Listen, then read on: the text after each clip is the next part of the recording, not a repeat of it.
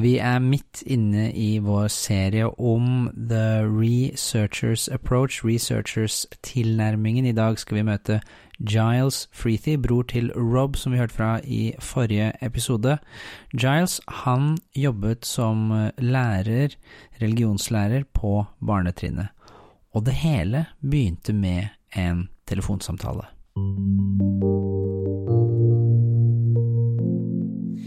Um, so it all started with a, f- a phone call. What was interesting through our conversations on the phone is that some of the persistent problems of RE discussed at a kind of theoretical level, uh, I was contending with in the classroom. Um, and so in our conversations, uh, we we concluded to that part one of the largest reasons for this these problems arises from the fact that religions are complex, diverse, multifaceted, and evolving.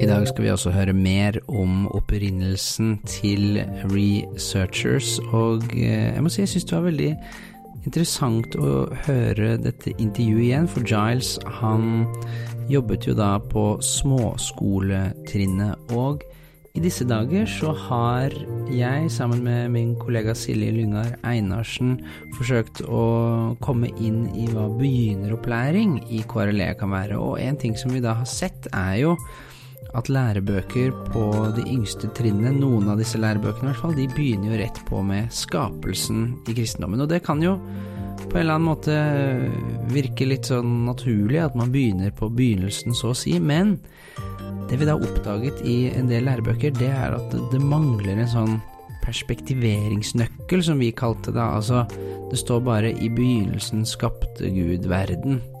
Det er ikke noen nøkkel eller hjelpemidler her til å kunne f.eks. si at i Bibelen står det, eller de kristne mener Eller kanskje fins det noen sånne fortolkningsverktøy, men de kommer veldig mye i bakgrunnen. Og akkurat sånne type fortolkningsverktøy eller perspektiveringsnøkler tilbyr jo egentlig researchers. Fordi så fort ulike måter å forstå og tilnærme seg religion på blir personifisert, så er det tydelig at det ikke er læreren selv nødvendigvis som mener dette, eller at elevene selv må eller skal eller bør mene eller to, tro eller tenke eller sånn og sånn, men dette er sånn som den og den figuren ville jobbet. Det er ikke så dumt. Du hører på KRLE-podden. Mitt navn er Knut Haukeland. Det skal handle om eh, skole, og religion og kristendom. Jeg mener at ingen skal tvinges til å gå på skolegudstjeneste. Lærerstudentene har av kunnskap om disse evnene. Faget vil inneholde hele 50% kristendom og bare 50% vranglære. Kompetansemålene i faget. Det K-en gjør nå, er at den bare markerer at kristendommen har en særlig historie hos oss. Og det er jo sant. Den K-en kom til for tre og et halvt år siden. Den var ikke der før. Det handler først og fremst ikke om K-en. RLE-faget har jo en litt brokete historie. Abonnerer de selv på KRLE-podden som lærer? Ja, det er en selvfølgelig ting.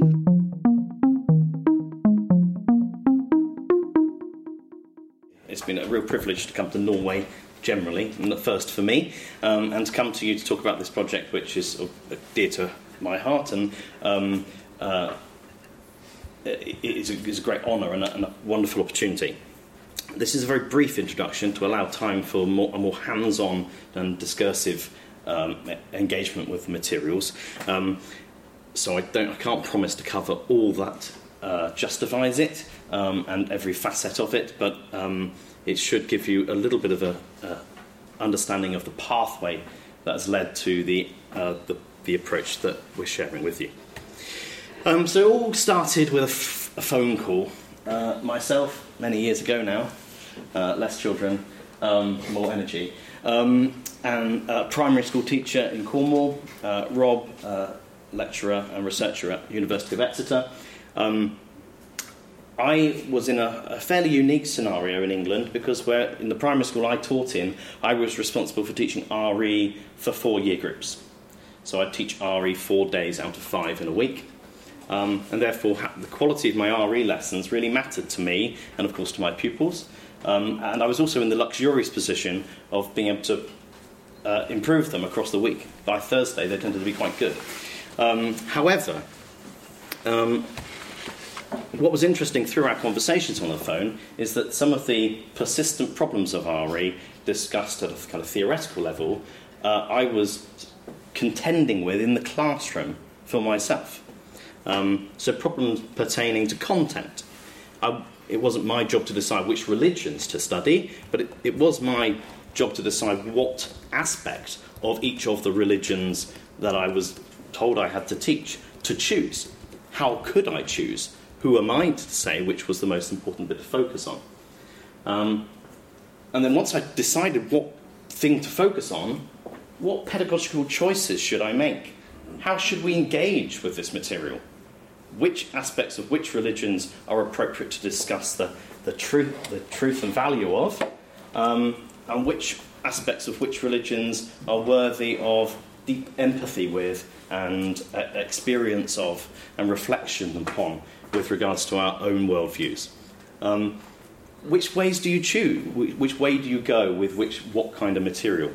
Um, all of this gave me a little bit of a headache and caused a bit of anxiety, particularly when you consider the, your, a respect for the rights of the pupils, the rights of parents, and the responsibilities of a school.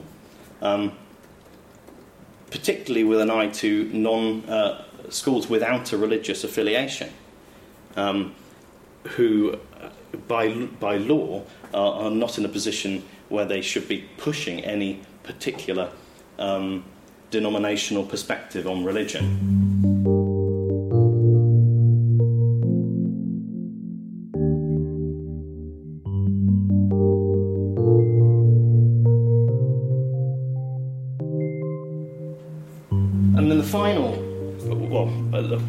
Least another substantial concern was teacher confidence. Um, I, I knew quite a bit about Christianity by way of being a, a son of a vicar. That was an accidental expertise, if you like.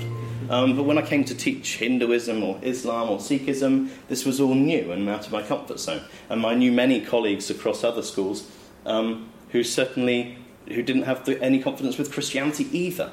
So, with no confidence about the content, uh, uh, concern as to what to choose, how to engage with it, and the con- and dangers around being accused of pushing particular beliefs. Uh, it, it, it, I think the anxiety teachers feel about RE was real and justified. Um, and so, in our conversations, uh, we we concluded to, that part one of the largest reasons for this, these problems arises from the fact that religions are complex, diverse, multifaceted, and evolving. Um, if you're teaching about rocks in science, rocks don't tend to change, they don't tend to get upset if you misrepresent them. Um, there's much less uh, potential issues arising from engaging with that subject matter. Uh, whereas to, to try to simplify any of these um, uh, faiths uh, has ethical problems associated with it. Uh, the temptation is to simplify religion, to present religions as if they're uniform across the board, um, to present them in a one or two dimensional way, uh, and to suggest that they're fixed. They're always going to be like that. That's what it's like. So I conclude the the, the solution to this problem we proposed was that we change the focus from teaching to co researching. Rather than the teacher being the sage on the stage who knows about the content in, uh, in a comprehensive way and transmits that stable knowledge to pupils, the teacher takes a more intellectually honest position and works alongside the pupil to research uh, the subject with, the, uh, with them. This, is, this photo has a, uh, this is meant to be an adult. I, I couldn't find a better image. So the teacher and the pupil both look at the content together uh, with an open mind as to what they may find out.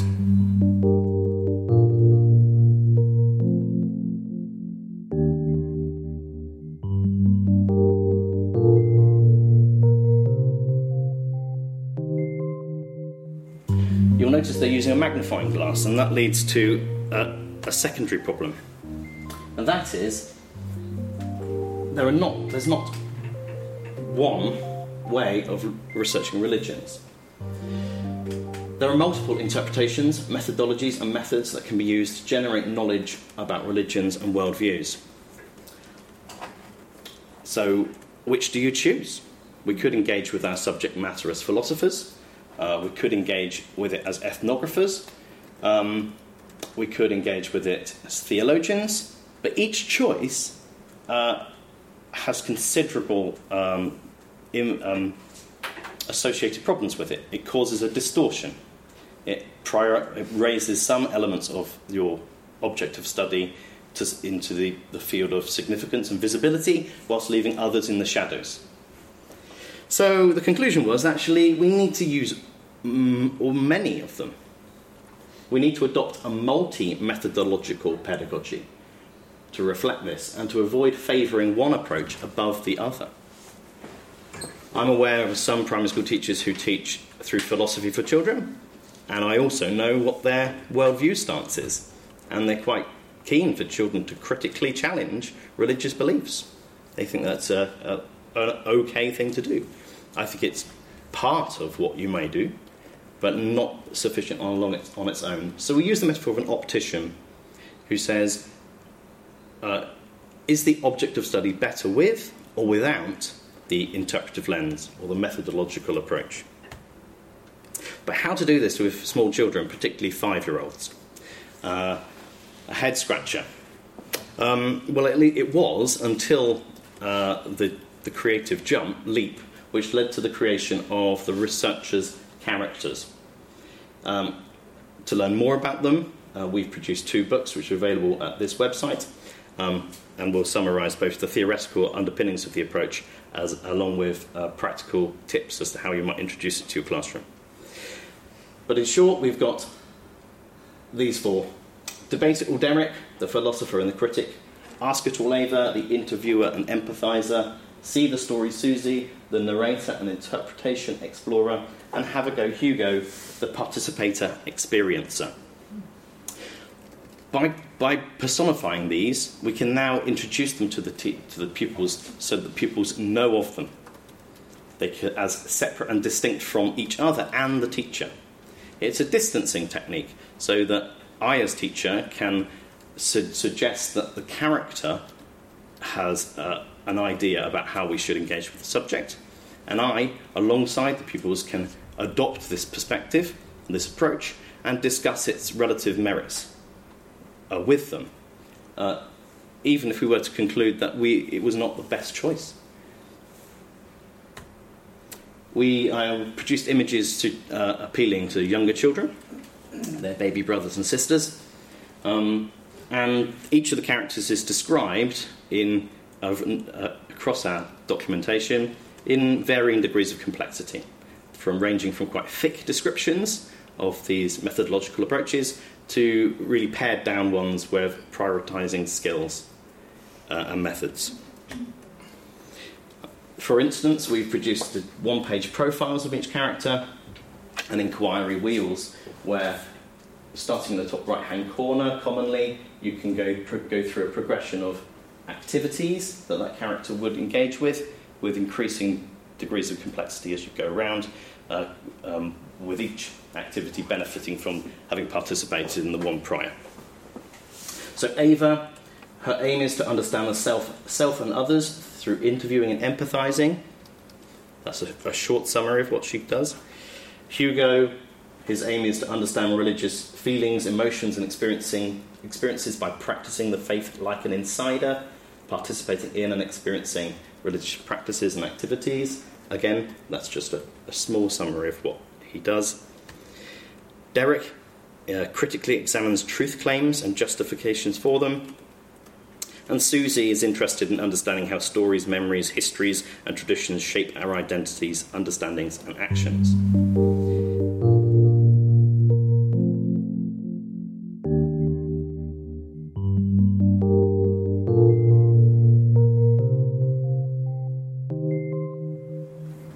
The, the approach overall should uh, provide opportunities for open ended shared inquiries. The characters are tools to introduce, not the sum total of the approach. They, it, it should enable teachers to um, look both through and at different methodological and hermeneutical lenses they choose to use to study religions and non religious worldviews. The pupils and teachers can discuss whether Derek is taking the appropriate approach, whether Ava was right to, to, conduct an interview as the best means to learning more about what's being studied. By doing that, we draw pupils into dialogues about what we should be looking for when we study religions and how we should look. And we give up the opportunity for pupils to reflect on their own dispositions and worldviews and how these affect and are affected by their research. The pupils, we surface how they feel about the topic, what they believe about the topic, and discuss whether those feelings and those beliefs impact on their ability to perform as that researcher and to engage with that subject matter. I had one little girl who said, I really don't like debate or direct lessons, sir, um, because I am a Christian and I just don't like the way some of the other children talk about my beliefs. And I was thinking, well, it's a good job we don't just do Derek then, isn't it? Yeah, and but um, well done for the bravery to identify that. And once we've identified it and surfaced it, we can then discuss ways to move forward. It's an inquiry approach, and commonly we'd start with a stimulus, generate questions together as a class, plan an inquiry using one or more of the researchers or none, conduct the inquiry, analyse the findings, draw conclusions, ready to either return to the stimulus or move on to a new one. One way of representing this is in this uh, way, where each of these, like a, like a model railway, we come over here and move, change tracks. We change onto a, a track, the coloured ones associated with the different research characters, and we return to analyse the findings we uh, elicited through that approach, to draw conclusions from it, only to return, perhaps again, to the same researcher or another to re engage with the same content. Uh, what are we trying to do with this? Well, we want children to be able to give better representations of religions and worldviews. We want them to do, be able to do their own research, where they demonstrate knowledge of interpretations, methodologies, and methods used in the study of religions and worldviews, and to apply them, and to reflect on their own worldviews, how they influence and are influenced by learning about religions and worldviews. There's plenty of reading material to catch up, but hopefully from the, the rest of the session, you uh, practical and discursive engagement, you'll be able to get a, a real feel for what, the power of this approach in the classroom.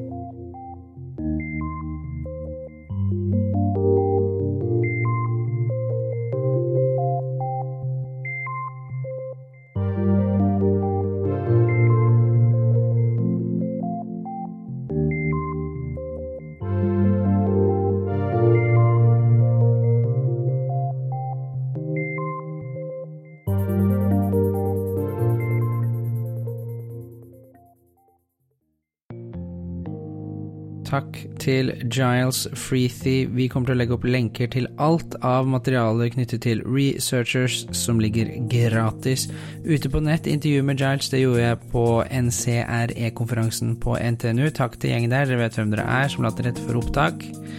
Neste gang så skal dere få høre videre fra den sesjonen som vi da hadde rett etter Giles hadde sin innledning. Da fikk vi nemlig selv prøve ut dette opplegget, og jeg tok med meg mikrofonen min. Vi ble sendt på den ene gruppe til den andre, og der satt vi og diskuterte hvordan ville disse karakterene jobbet med den casen som vi fikk. Hva den casen handlet om, det skal jeg ikke si, bortsett fra at den handlet om fotball og religion. Bakgrunnsmusikken den har som vanlig vært av Lee Rosevere. Mitt navn er Knut Aukland. Vi snakkes.